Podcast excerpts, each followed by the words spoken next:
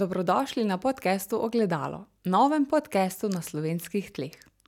V podkastu Ogledalo se bomo pogovarjali o vsem, kar diši po psihologiji. Razbijali bomo mite in tabuje, ter se učili, kako in zakaj poskrbeti za lastno duševno zdravje. Z vami sem psihologinja Špela Kresnik.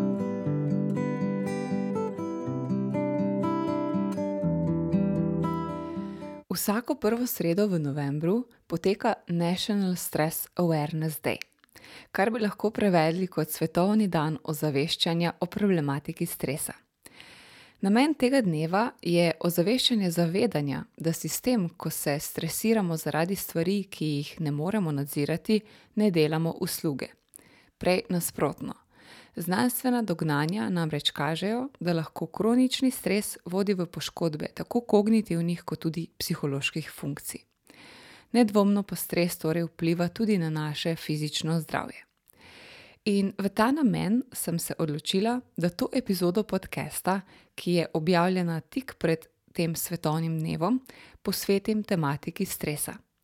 Zato bom danes govorila o tem, kaj sploh je stres kaj so zunani in kaj notranji stresori, kako se odzivamo na stres, oziroma kaj se med tem dogaja v naših možganih, kaj potrebujemo za dobro psihično odpornost, kaj lahko stres povzroči našemu telesu in kako ga obvladati. Preden pa začnemo z današnjo epizodo, pa vas kot vedno vabim, da mi pomagate razširiti glas o novi epizodi podcasta in tako pomagate tudi drugim do različnih spoznanj in novih znanj. To preprosto storite tako, da podcast ocenite, napišete mnenje, če imate to možnost v svoji podcast aplikaciji, in lahko se tudi naročite na podcast ali pa ga preprosto delite z drugimi na svojih socialnih omrežjih. Hvala vam za vse vaše dosedanje odzive in predloge, ki jih prejemam. Res sem vesela, da ste ta podcast tako zelo lepo sprejeli. To mi veliko pomeni. Tako, pa začnimo z današnjo epizodo. Življenje si lahko predstavljamo kot čovniček, ki pluje po vodi. Življenjski dogodki so kot valovi, ki lahko zamajajo človekovo ravnotežje.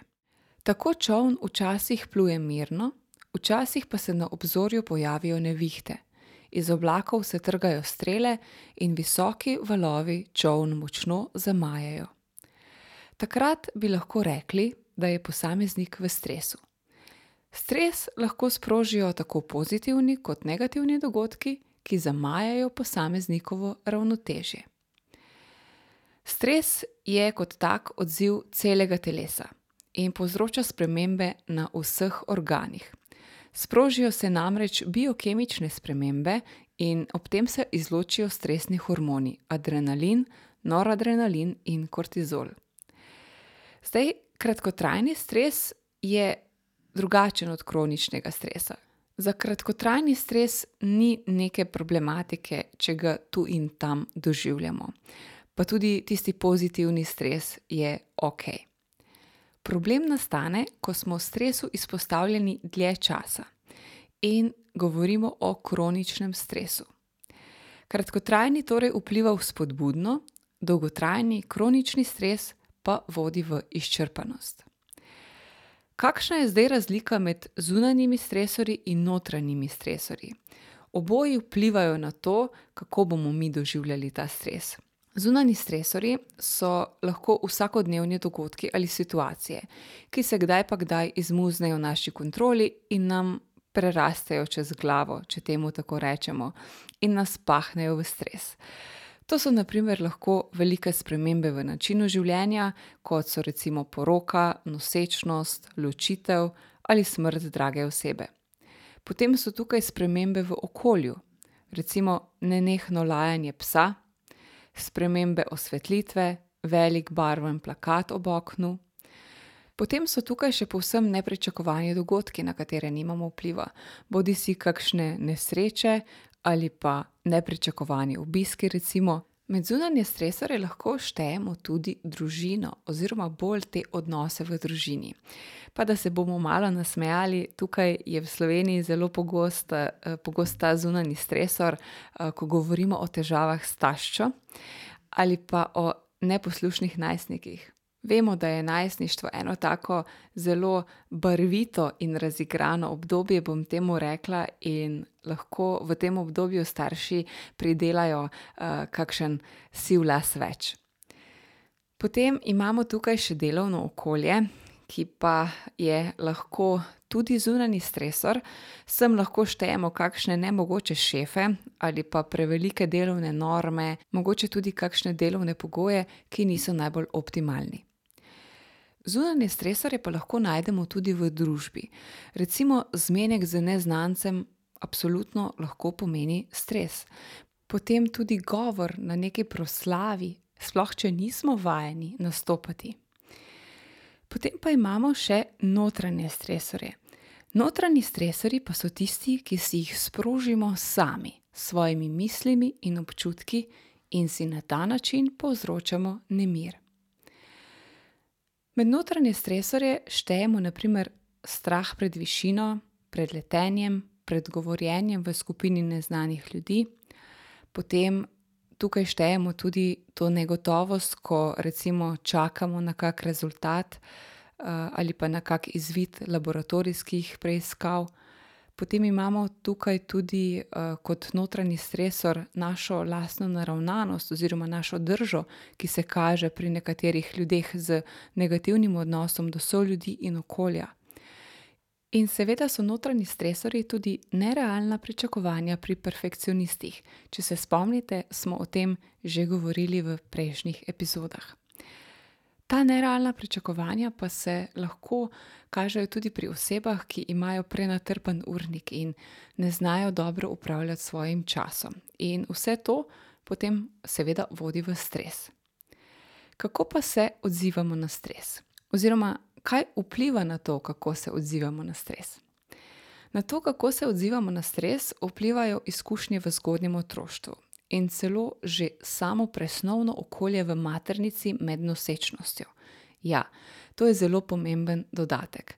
V bistvu je zelo pomembno, ali nosečnica Eh, svojo nosečnost preživlja pod stresom, se pravi kroničnim stresom, ali je tudi takrat pozorna na to, da čim več časa posveti sproščanju, sprostitvam, stvarem, ki so ji všeč, in tako naprej. Zato, ker na ta način ustvarja tudi ugodno okolje za razvoj otroka.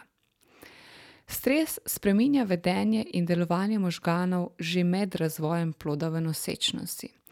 In Ti učinki prenatalnega stresa se kažejo že v povečani občutljivosti na stres, v večjem pojavljanju depresije in anksioznosti ter težavah pri učenju, potem kasneje ne pri, pri razvoju otroka.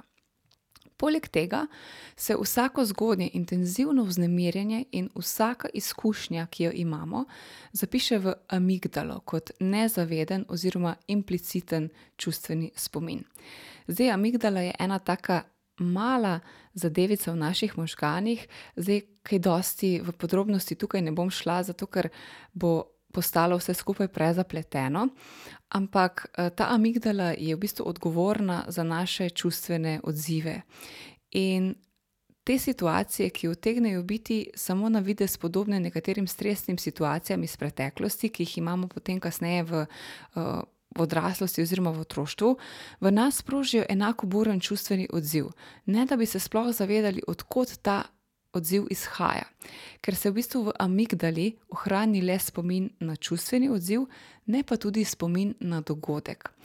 Ker na začetku, ko mi tvorimo spomine, ne, se pravi nekje um, od prvega do drugega oziroma tretjega leta življenja, mi ne tvorimo teh zavestnih oziroma zavednih spominov, se pravi, dogodkov se ne spominjamo. Spomnimo se samo izkušnje in ta izkušnja se zapiše kot čustveni odziv, odziv telesa. Potem, v, oziroma nekje med drugim in tretjim letom življenja, pa se razvije oziroma začne delovati hipokampus.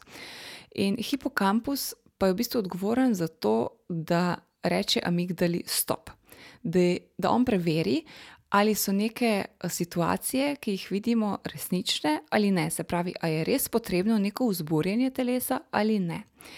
In čeprav se te povezave med hipokampusom in amigdalo gradijo že od vsega začetka življenja, um, še hipokampus na začetku ne deluje. In torej naloga hipokampusa je, da ureja informacije o zunanjih dražljajih in potem v skladu z okoliščinami uravnava nenadzirane odzive amigdale, zato ker amigdala deluje zelo nenadzorovano. Ona pač se odzove, ne glede na to, kaj je. Ne? In potem pride hipokampus in jo malo umiri, zato da ta amigdala ne bi po nepotrebnem sprožila stresnega odzivanja. Ko hipokampus začne delovati, se ob njegovi pomoči potem začnejo skladiščiti tudi spomini, in tako je potem ta vsebina tudi dostopna pri klicu. Kar pomeni, da se dogodkov lahko zavestno spomnimo in jih tudi ubesedimo torej se začne uh, razvijati ta eksplicitni spomin. Prej pa imamo samo tistega implicitnega, uh, torej tisti spomin uh, na čustveni odziv. In potem nam pa to omogoči oblikovanje izkušnje in prepoznavanje različnih kontekstov. In s tem potem ta hipokampus poskrbi, da se na vsako nevarnost odzovemo različno in v skladu z okoliščinami. Tako recimo umiri odziv, ko prepoznamo, da je pred nami vrv in ne kača. Ko postane jasno, da je ta dražljaj, torej vrv, ne nevaren, hipokampus da signal in vključi to parasimpatično živčevje, torej da zavira ta odziv stresni in umiri, oziroma omogoči umiritev telesnih odzivov. Ok, to se je zdaj slišalo verjetno zelo zapleteno, ampak pomembno je, da veste, da imamo v možganih torej tudi dele, ki so odgovorni za doživljanje stresa. In zdaj, če. Um, zakaj sem govorila o tem razvoju? Ker bom kasneje tudi povedala in razložila, um, kaj se zgodi, če se ta amigdala in hipokampus ne razvijeta optimalno. Uh, namreč na razvoj možganov uh, zelo vpliva navezanost v otroštvu. Kaj ti otroci, ki niso bili deležni dovolj varnega odnosa navezanosti oziroma so doživljali ponavljajoče se travme, imajo veliko bolj vzdržljivo in trajno povečano amigdalo. Torej si lahko predstavljate, da to pomeni, da slabše se odzivajo na stres. In povezave med hipokampusom in amigdalo se gradijo v prvih letih življenja. Ta proces je oviran, če starši otroka ne pomirjajo ali če je odnos starši za otroka nek nenehen vir stresa, se pravi, da starši otroku povzročajo strah, negotovost, nerazumevanje, da otroka zanemarjajo ali celo hujše, da ga zlorabljajo. In posledica take relacijske travme, kot temu rečemo, je negotov odnos navezanosti, ki torej vpliva na razvoj teh struktur v možganih, ki nam omogočajo, da se učinkovito spoprijemamo s stresom. Zato se torej v takih okoliščinah povezava zgradi pomanjkljivo, zaradi česar amigdala otroka še naprej zelo burno preplavlja s strahom in tesnobo. Se pravi, hipokampus ne zmore teh signalov od amigdale uh, pravočasno uh, umiriti. In posledično se otrok in pozneje tudi odrasli človek, ker to se, eh, ko se enkrat to eh, v možganih uredi, eh, se potem to v odraslosti ne spremenja, ne naši možgani se pač razvijajo, ko smo majhni. In v stresnih situacijah potem. Ali pa tudi v kakih drugačnih provokativnih situacijah se otrok in kasneje, torej odrasli, ne zmore pomiriti. In raziskave kažejo, da je lahko hipokampus pri odraslih, ki so odraščali v travmatičnih okoliščinah, tudi za tretjino manjši od normalne velikosti. Zdaj vam je mogoče malo bolj jasno, zakaj sem šla uh, prej razlagati tiste podrobnosti, ki so se morda zdele na začetku nesmiselne. Uh, Torej, če se ta povezava med amigdalo, hipokampusom in potem je tukaj še ta prefrontalni korteks, uh, zaradi nenehnega stresa v otroštvu ne more vzpostaviti optimalno, je pozneje v življenju ovirano uravnavanje čustvenega odzivanja in posledično tudi vedenja. Torej, tu ne gre samo za stres, pač pa gre za tudi to deprivacijo pri čustvenem odzivanju. In posledično človek veliko več situacij in odnosov doživlja kot stresne oziroma kot ogrožajoče. Tak človek deluje pod nenehnim alarmom teh nižjih možganskih centrov. In običajno taki ljudje o sebi menijo, da so bolj živčni, nenehno so pod stresom in so preobčutljivi. Njihova čustva hitreje in močneje zanihajo iz ene skrajnosti v drugo. Imajo torej take, doživljajo res take ekstreme, a ne. In zdaj, če mi te ljudi opazujemo, vidimo, da, so kot eni taki živčki. nonstop so napeti, kot da bi bili ves čas pod neko napetostjo. težko, zelo težko se res pomirijo in pri njih je še toliko bolj pomembno, da se naučijo teh tehnik sproščanja in samopomiritve. Ker uravnavanje povišanega stresnega odzivanja zahteva ogromno energije, ne, saj si lahko predstavljate, so potem taki ljudje veliko bolj nagnjeni k temu, da so izčrpani zaradi nenehnih notranjih napetosti in zato so kronično utrujeni. Te notranje napetosti pa lahko izvirajo iz vrste strahov, tesnob in nekih notranjih prisil, ki se skozi nevaren odnos, ki v bistvu torej pomeni neko pogojevano ljubezen, največkrat je to tako, da pač, so otroci, bili deležni ljubezni le, če so nekaj naredili, da so lahko ugodili staršem, to je torej ta pogojevana ljubezen.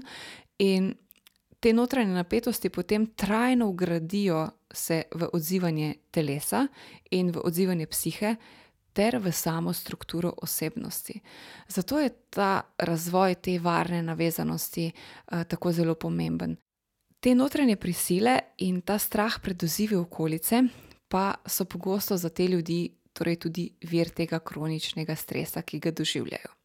Ampak še enkrat, na tem mestu se mi zdi zelo pomembno poudariti dejstvo, da ne glede na to, kakšen, odnos navezanosti smo razvili s svojimi starši v otroštvu, da tu ni nobene potrebe po tem, da jih za karkoli krivimo. Mi, ko smo odrasli, imamo povsem svobodno voljo, da se odločimo in se lahko odločimo tudi za to, da bomo naredili nekaj v tej smeri, da si bomo pomagali. Tu imamo vrste pomoči, lahko gremo po strokovno pomoč, lahko se odločimo, da se bomo sami naučili, kako se spoprijemati s stresom. Torej kako se učinkoviteje spoprijemati s stresom. Res pa je, da to od nas pač zahteva neko disciplino, v bistvu samodisciplino, zato da bomo potem te tehnike in vaje tudi izvajali. Kdo pa se na drugi strani lažje spoprijema s stresom? S stresom se lažje spoprijema samozavestna oseba, ki ima dobro samopodobo. Za psihično stabilnost in odpornost so pomembni tako ustrezna samopodoba kot tudi samozaupanje in občutek lastne vrednosti, ki pa se začnejo razvijati že v otroštvu. Otrok namreč sprva nima predstave o lastni vrednosti. O tej se uči na temelju tega, kako se do njega vedejo starši. Ti so lahko bodisi premalo ali pa preveč zahtevni, dandanes pa tudi velikokrat prezaščitniški. Spopadanje z neprijetnimi izkušnjami in neprijetnimi občutki, ki jih otroku radi prihranimo, otroka v resnici utrjuje in pripravlja na odraslost. Zato to srečno otroštvo, v katerem se otroku ni treba potruditi za doseganje cilja ali pa za dosego neke nagrade ali pa izpolnitev želja, in ko ni vajen počakati na zadovoljitev potrebe, ne, tukaj imamo, zdaj v tem času predvsem velike izzive. Vse bi radi imeli takoj, kaj takoj, že včeraj. In vse to potem vodi v stresno spoprijemanje z realnostjo v odrasli dobi. Ko ta pravila tega srečnega otroštva, v narekovajih, pač ne veljajo več. Zdaj, našo stopnjo stresa določajo naša osebnost, naše izkušnje in naša raven energije. Stopnjo stresa pa določajo tudi okoliščine, v katerih se stres pojavi, a ne, tudi seveda odvisno je, v kakšnih okoliščinah se znajdemo pod stresom. Stopnjo stresa določa tudi širše in ožje okolje, v katerem živimo, ne. lahko nekdo živi recimo blizu neke tovarne, pa mu nonstop, so neki zvoki, neprijetni in glasni, nekdo drug pa živi nekje na neki, jasi ob robu gozda in je vse mirno in zagotovo je tukaj, povsem drugačno dojemanje stresa in tudi drugačni zunanji stresor so. Stopnjo stresa pa določa tudi naša življenjska naravnanost. Torej veliko je odvisno od nas, kako smo naravnani v življenju. Ali smo naravnani k temu, da, vemo, da vsaka slaba stvar bo prinesla tudi kaj dobrega oziroma iz vsake slabe stvari se bomo lahko tudi kaj dobrega naučili, da gledamo bolj pozitivno, seveda zopet v mejah normale, tukaj ne govorim o tisti toksični pozitivnosti. Ampak vseeno ta naša življenjska naravnanost, ali imamo neke cilje, ki jim sledimo, imamo neko poslanstvo v življenju, neko večjo vizijo, to vse vpliva na našo stopnjo stresa. Prav tako pa na stopnjo stresa vpliva tudi trdnost in kakovost naših medosebnih odnosov z ljudmi, ki nas obdajajo. Predvsem tukaj lahko si prihranimo veliko stresa, če imamo te odnose urejene. Kajti zares so ti odnosi največkrat en tak velik vir vseh teh skrbi, ki jih imamo, ne. Zato, je pomembno, da znamo komunicirati, da, asertivno komuniciramo, da smo prijazni z drug drugim, da znamo postaviti meje, da se spoštujemo in tako naprej. Zdaj, stres je lahko realen, torej dejanski ali pa namišljen. To pa so tiste skrbi, ki si jih povzročamo, ne, to so tisti notranji stresorji. Zdaj, spremenjeni načini tega sodobnega življenja, ki se kažejo tudi v visokih pričakovanjih pa naraščajočih zahtevah in številni drugi stresorji, recimo, ki so tudi na delovnem mestu, pa ta negotovost pa manjša varnost zaposlitve pa neka globalna kriza, ki jo zopet napovedujejo, pa te različne obveznosti, ki jih imamo na vsakodnevni ravni, raznorazni pritiski in zahteve po dosežkih lahko sodobnega človeka precej obremenijo. Za sodoben način življenja je značilno veliko število zelo različnih stresnih situacij, ki trajajo dlje, se ponavljajo, so zelo intenzivne, zgoščene in včasih skoraj neprekinjene oziroma jih posamezniki na ta način doživljamo. To je po mojem mnenju povezano tudi s tem hitrim načinom življenja, ko želimo vse takoj, želimo vse, da je urejeno v trenutku, imamo nonstop neke prisile, da to moramo, ono moramo, tretje moramo, nonstop, ne, nam, nekje v glavi odzvanja: "Pohiti, pohiti, pohiti." In ne najdemo več časa za umiritev, ne najdemo več časa zase. Ne najdemo niti pet minut na dnevni ravni, da bi se kakovostno umirili. Dejstvo je, da je za normalno življenje nekaj stresa nujno potrebnega. Povsem brez stresa pač enostavno ne moremo živeti, ne. V bistvu življenje tudi ne bi bilo zanimivo. Ampak težava nastane tam in takrat, ko je stresnih situacij preveč. Ko so preveč zgoščene, ko so premočne in ko predolgo trajajo. In v takih primerih govorimo torej o kroničnem stresu. In zato lahko ta kronični stres vodi v različne motnje. Na primer, ugotovili so povezave s prebavnimi motnjami, kot je recimo čir, driska, zaprtost, izguba teka, pretirana ješčnost, zgaga, slabost, bruhanje. Vse te težave so lahko izvor stresa. Potem recimo motnje srca in ožilja. Sem spada visok krvni tlak, a ne, saj veste, že tisti pogovori, so, oziroma pregovori so povezani s tem, da nam je nekdo dvignil pritisk. In že iz tega lahko sklepamo, ne, da, da smo že od nekdaj vedeli, da stres vpliva na raven krvnega tlaka. stres pa vpliva tudi v tem segmentu na motnje srčnega utripa. Potem imamo tukaj motnje imunskega sistema, kot so recimo revmatoidni artritis, sladkorna bolezen, nekatera rakava obolenja so povezana s kroničnim stresom in številne alergije.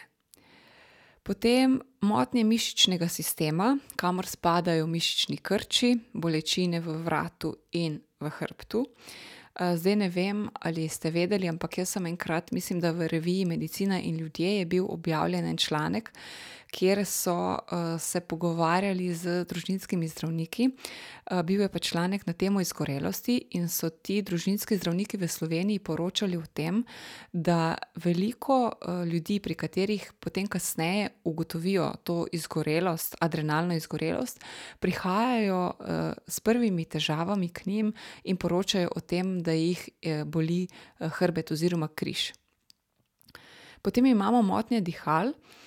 Uh, tukaj, če smo pogosto prehlajeni in tudi astma, recimo, sem spada, ne, uh, naj bi bilo to zelo povezano tudi s stresom. Kajti tu je eno tako dejstvo, da stres itak znižuje imunski odziv telesa in zato smo bolj dovzetni za bakterije, zato se torej tudi hitreje prehladimo in hitreje se nalezemo neke nalezljive bolezni.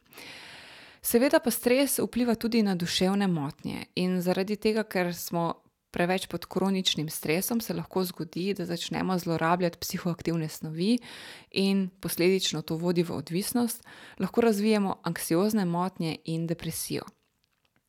So pa še tudi druge telesne motnje, na katere vpliva stres, recimo glavoboli, predvsem tisti tenzijski glavoboli zaradi prenapetosti mišic v vratu in v zatilju in pa motnje spanja. Nespečnost in nočne more so kar precej povezane s tem kroničnim stresom.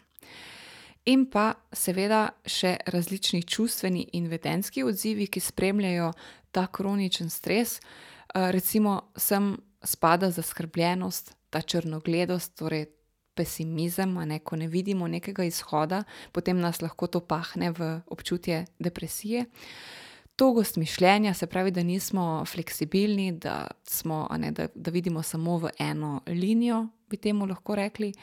Ta neodločnost, potem nepremišljenost, razdražljivost, če smo pod prevelikim stresom, eh, lahko tudi postanemo povsem apatični. Po drugi strani lahko postanemo zelo skipljivi. Veliko krat pa se lahko pod kroničnim stresom vedemo tudi impulzivno.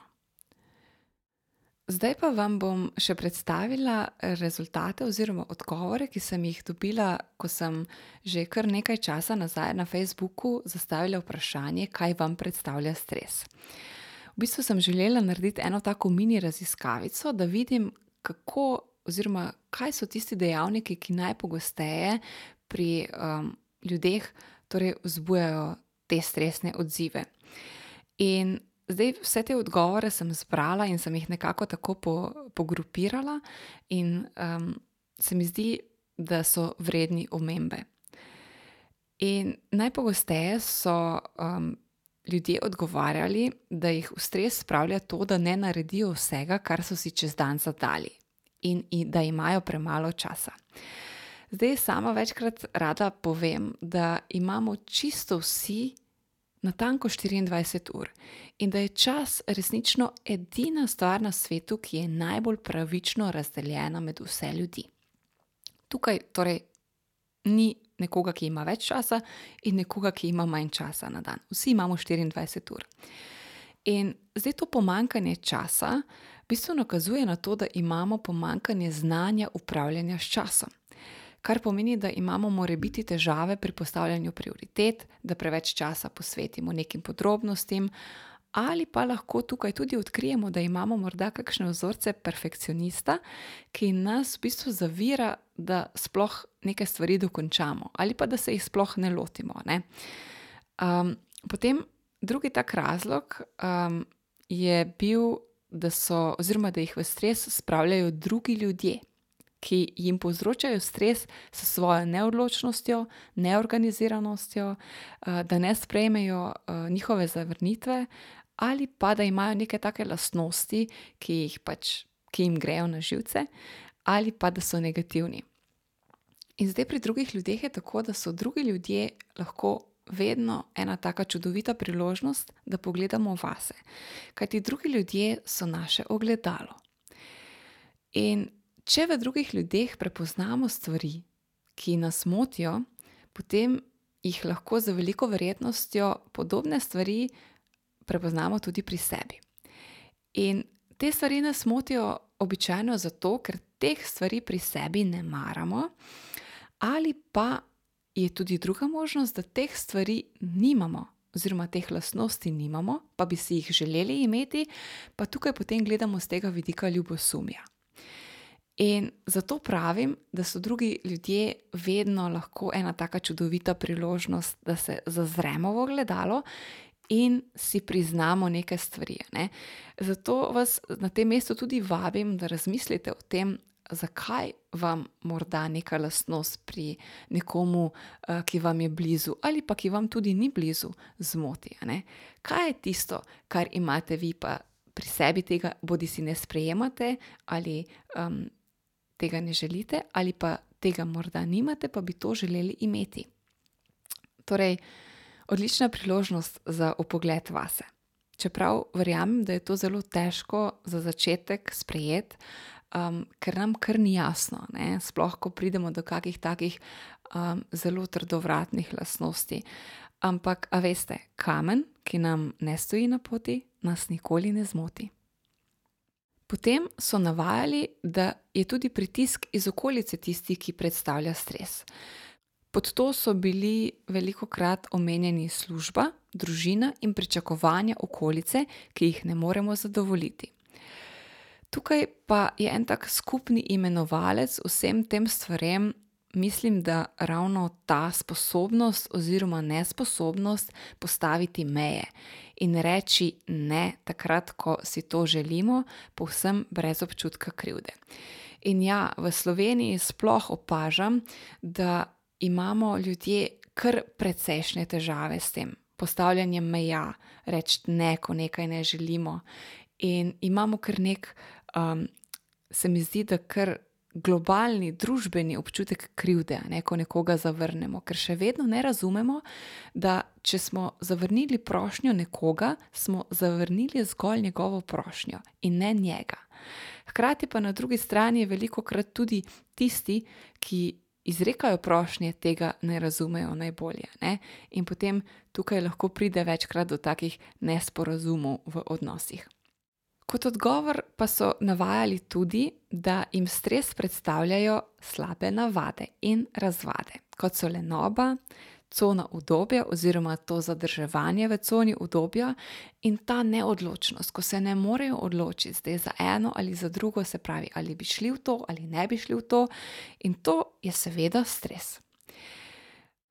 Sama pa bi k tem odgovorom dodala še dva odgovora. In sicer, da stres lahko predstavlja tudi perfekcionizem, o katerem smo veliko govorili že v prejšnjih dveh epizodah. Namreč veliko ljudi od sebe pričakuje izpolnitev najvišjih ali zelo visokih meril, ki so jih razvili že v otroštvu. Zato, ker se torej ocenjujejo, primerjajo z drugimi, in tako naprej. In to je torej lahko nenehen vir stresa, če tega ne pravočasno obvladamo. Potem pa še en odgovor, eh, ki se mi zdi sploh zdaj v tem času zelo smiselen omembe. To pa so ti mediji in gledanje poročil, spremljanje konstantno teh negativnih dogodkov, in to je ogromen vir stresa. Zanimivo pa je, kako mu ljudje podležemo čisto vsak dan. Ker pogledajte okoli sebe, oziroma kar v svoje življenje, pa si malo um, naredite malo čistke, koliko vi spremljate medije in koliko je pravzaprav tam takih novic, ki bi bile zares vredne omembe, in koliko je takih, ki zgolj želijo pritegniti vašo pozornost in vam povzročati stres. Presodite sami. Ok, zdaj smo spoznali, kaj je stres kaj nam ga povzroča, kako uh, se odzivajo naši možgani, oziroma kako je pomemben razvoj uh, možganov v otroštvu na kasnejše doživljanje stresa. Zdaj pa pogledajmo še, kako si pomagati. Že na začetku prejšnjega stoletja so intelektualci pisali o tem iskanju sreče, o miru, o jogi in o tem, kako si zares upati živeti. Ta kult užitka, občutenja in iskanja sreče pa so dan danes postali gonilna sila kapitalizma in industrije. To namreč hrani naše čute non-stop, da se počutimo zadovoljne in srečne.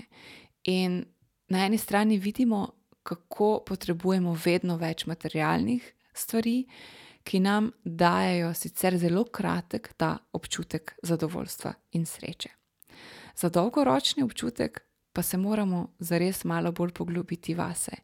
In ravno tudi ti mislici so že davno učili, da se je treba na poti k notranjemu miru in sreči umakniti od čutov, ne pa jih stalno spodbujati. Zdaj, če želimo vedeti, kako si sploh pomagati, je dobro vedeti tudi, kako deluje sprostitev na naše telo. Imamo namreč stresni odziv organizma, boj ali beg. To je na eni strani, in na drugi strani, če imamo to, imamo tudi sposobnost sprostitve in relaksacije. Posem logično.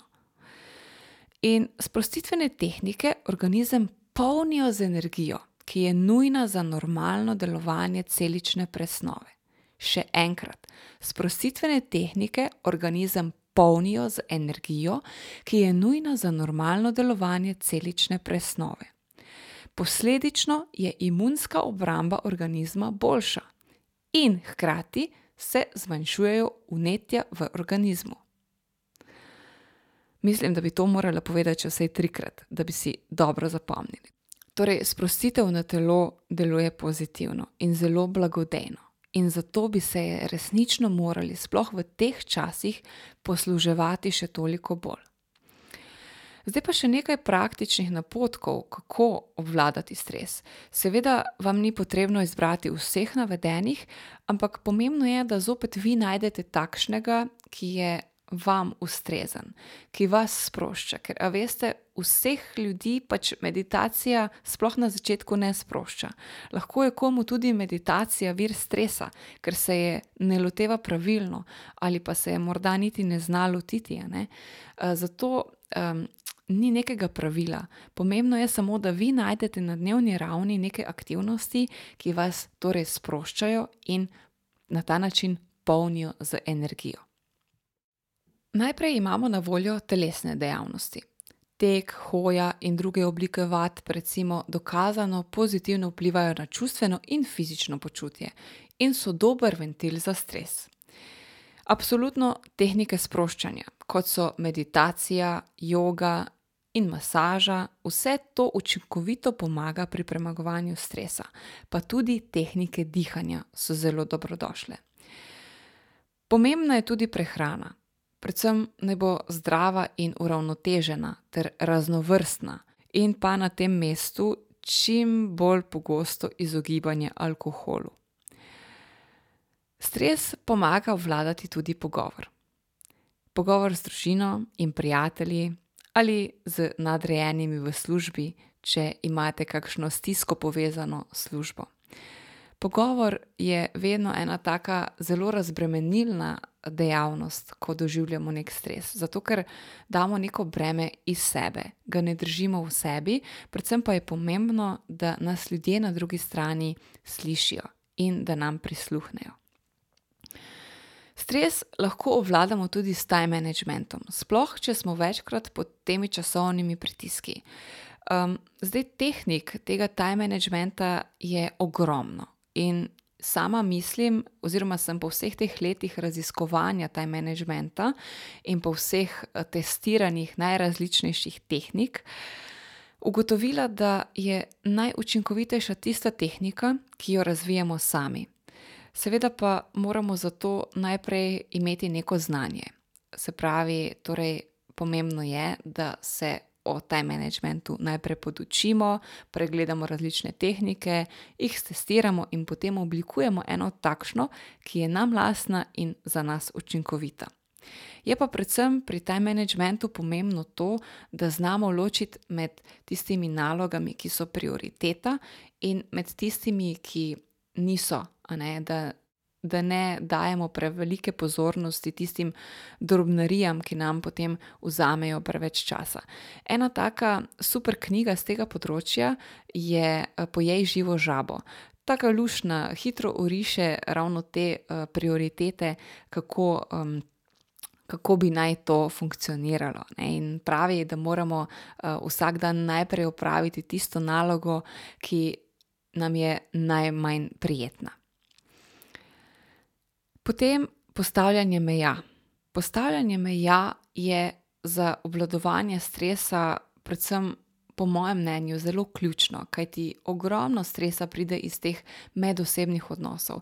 In če mi ne znamo reči ne, če mi se vse čas utapljamo v tem občutku krivde in če vse čas govorimo drugim ja, zato da sebi rečemo ne in zopet zanemarimo sebe, na dolgi rok to ne bo šlo, ker se bomo na dolgi rok zelo slabo počutili. In bolj bomo zapostavljali sebe, bolj bomo tudi gojili neke občutke jeze do drugih. Zato se mi zdi, da je zelo ključno, da se tega čim prej naučimo. In ko sem sama opazila, da je pravzaprav na tem področju kar precej težav, eh, pa tudi iskreno, eh, sama sem imela težave s tem, kako reči ne. In največkrat imamo težave ravno v tistih odnosih, oziroma s tistimi ljudmi, ki so nam najbližje. To je recimo starši, sorojenci, partnerji, otroci. In ravno v ta namen eh, sem oblikovala ta audio program, kako reči ne brez občutka krivde, v katerem se v bistvu čisto v svojem tempu, eh, s pomočjo audio posnetkov in priloženih PDF-vaj, naučite, kako lažje rečete ne in kako priti do tega, da vas ne gloda več tisti občutek krivde. Veliko je torej poglabljanja vase, eh, je pa tudi veliko nekega takega treninga, ker eh, brez nič ni nič. In sama vedno vse te svoje programe, pa vse te svoje predavanja, delavnice skušam naravnati na ta način, da imajo ljudje nekaj od tega. Ampak seveda, če so pripravljeni vložiti čas in energijo v to ker samo od sebe se pač ne bo uh, to spremenilo. Ne? Zato um, bom dala povezavo do tega audio programa v, um, v opis te epizode. Pa si lahko potem tudi preberete več o tem programu, kaj zajema in kako poteka. Zelo pomembno za obvladovanje stresa je tudi spanje. Primerna količina ob približno istih urah. In tukaj ne bom zgubljala preveč besed, pač pa vam bom samo priporočala en odličen podcast. Bom tudi dala povezavo v opis te epizode. To pa je podcast Klemna Selakoviča, a idea podcast. In v 63. epizodi Klemen gosti doktorico medicine Leo Dolens Grošelj in z njo spregovori o znanosti optimalnega človeškega spanja. Ta podcast je zares vreden poslušanja zato ga res zelo, zelo priporočam, ker je ogromno informacij, ogromno pomembnih informacij, ki se jih premalo zavedamo. In na vse zadnje, stres, če ga ne zmoremo obvladati sami, če vidimo, da nam stvari uhajajo izpod nadzora in da se nam je pač preprosto nabralo preveč. Je vedno še možnost za strokovno pomoč ob prevelikih stiskah. In za ta namen, če imate prevelike stiske, ki vam jih povzroča stres, je primerno tudi psihološko svetovanje. Tako da toplo dobrodošli, če menite, da vam lahko pomagam. Na psihološko svetovanje se lahko preprosto prijavite preko obrazca na moji spletni strani ali pa mi pišete direktno na moj e-mail. Eh, vse povezave še enkrat bom dodala v opis te epizode. Tako, pa smo prišli do konca devete epizode podcasta Ogledalo. Hvala, ker ste tudi to epizodo poslušali do konca. Hvala vsem, ki ste že ali še boste na kakršen koli način pripomogli, da ta podcast doseže čim več ljudi. Vaša podpora mi resnično ogromno pomeni.